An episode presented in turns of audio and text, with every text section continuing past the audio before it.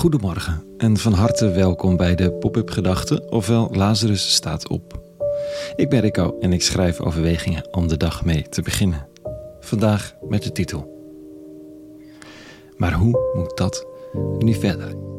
Pop-up Gedachten woensdag 15 juni 2022.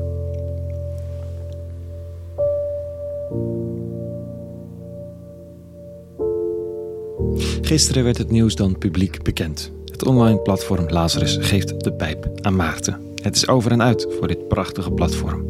Nu niet, meteen, nu niet meteen, maar het duurt niet zo heel lang meer. Het is tijd om afscheid te nemen. De ochtendoverwegingen, deze blijven, al is het nog even kijken hoe. En het is een verlies. Een enkeling is er niet rouwig om, maar de meeste reacties vragen zich af: wat nu? Ziel en zaligheid is hierin gestoken door met name Mariette van Driel. En het is een thuisplek gebleken voor zoveel mensen die niet aarden in vaste geloofsgedachten en die de worsteling met het gedachtegoed en de hoop en de liefde die erin huist niet los willen laten. Wat doe je dan, is de vraag. Hoe moet dat nu verder? En er is natuurlijk altijd de neiging om een verantwoordelijke te zoeken. Dat is één. Een andere overweging is het om het dan ook zelf maar los te laten. Want als dit de strohalm was, ja, dan, dan nog enkele weken en dan staat hij op het punt af te breken. Oh, en er is nog een derde weg, een hele oude weg, een ingewikkelde ook. En die weg is niet alleen instructief voor een verdwijnend platform.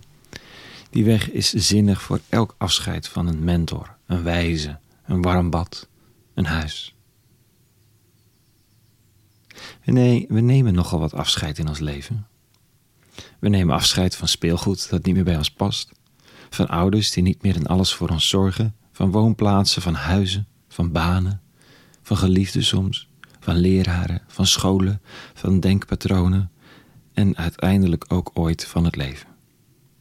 We hopen dat die laatste nog even duurt. Afscheid kan frustrerend zijn. Afscheid kan deprimerend zijn. Maar is er ook een manier waarop afscheid inspirerend kan zijn? Met alle pijn die erbij hoort. Nou, toevallig gaat de lezing van de dag daarover. De profeet Elia neemt afscheid. Hij gaat de profetenmantel ophangen bij zijn opvolger Elisa. En dit gebeurt er dan. Toen sprak Elia tot Elisa: Doe nu een verzoek. Wat moet ik voor u doen, eer ik van u word weggenomen? Elisa antwoordde: dat ik een dubbel deel van uw geest mag ontvangen. Elia sprak, u vraagt wel veel. Maar als u mij ziet wanneer ik van u word weggenomen, wordt uw bede vervuld. Ziet u mij niet, dan geschiet het niet. Terwijl ze nu al sprekende verder gingen, kwam er opeens een vurige wagen met vurige paarden. Ze werden van elkaar gescheiden en Elia voer in een stormwind ten hemel. Toen Elisa dit zag, riep hij uit: Vader, mijn vader, Israëls strijdwagens en ruiterij. Elia, de profeet, belangrijker voor Israël toen dan alle strijdwagens en ruiterij, en hij verdwijnt. Maar Elisa heeft een vraag gesteld. Vrij ambitieuze vraag ook. Elia kijkt een beetje op zijn neus met die vraag, maar ja, hij had gezegd: vraag wat je wilt. En nu wil Elisa een twee keer zo geïnspireerde profeet worden. Oh, of hij denkt: ik heb twee keer zoveel geest van Elia nodig om ook maar in de buurt te komen van wat Elia heeft betekend. Is het dus nou bescheiden of onbescheiden? Elia denkt er het zijne van en laat het over aan God. Elisa hangt Elia's profetenmantel om en gaat aan de slag. Er zit niets anders op. Wat is dus de derde weg? De profetenmantel omhangen en bidden om, dan wel hopen op, een dubbel deel van de inspiratie van dat wat je verliest. De mantel van Lazarus omhangen en die plek in het niemandsland innemen. Tussen zeker weten en zeker weten van niet. Tussen hoop en vrees. En daar dan vorm aan geven. Maar dat kan ik niet natuurlijk. Daarvoor was dat platform. Dat is waar. Daarom heb je die dubbele inspiratie nodig. En die is misschien zomaar beschikbaar.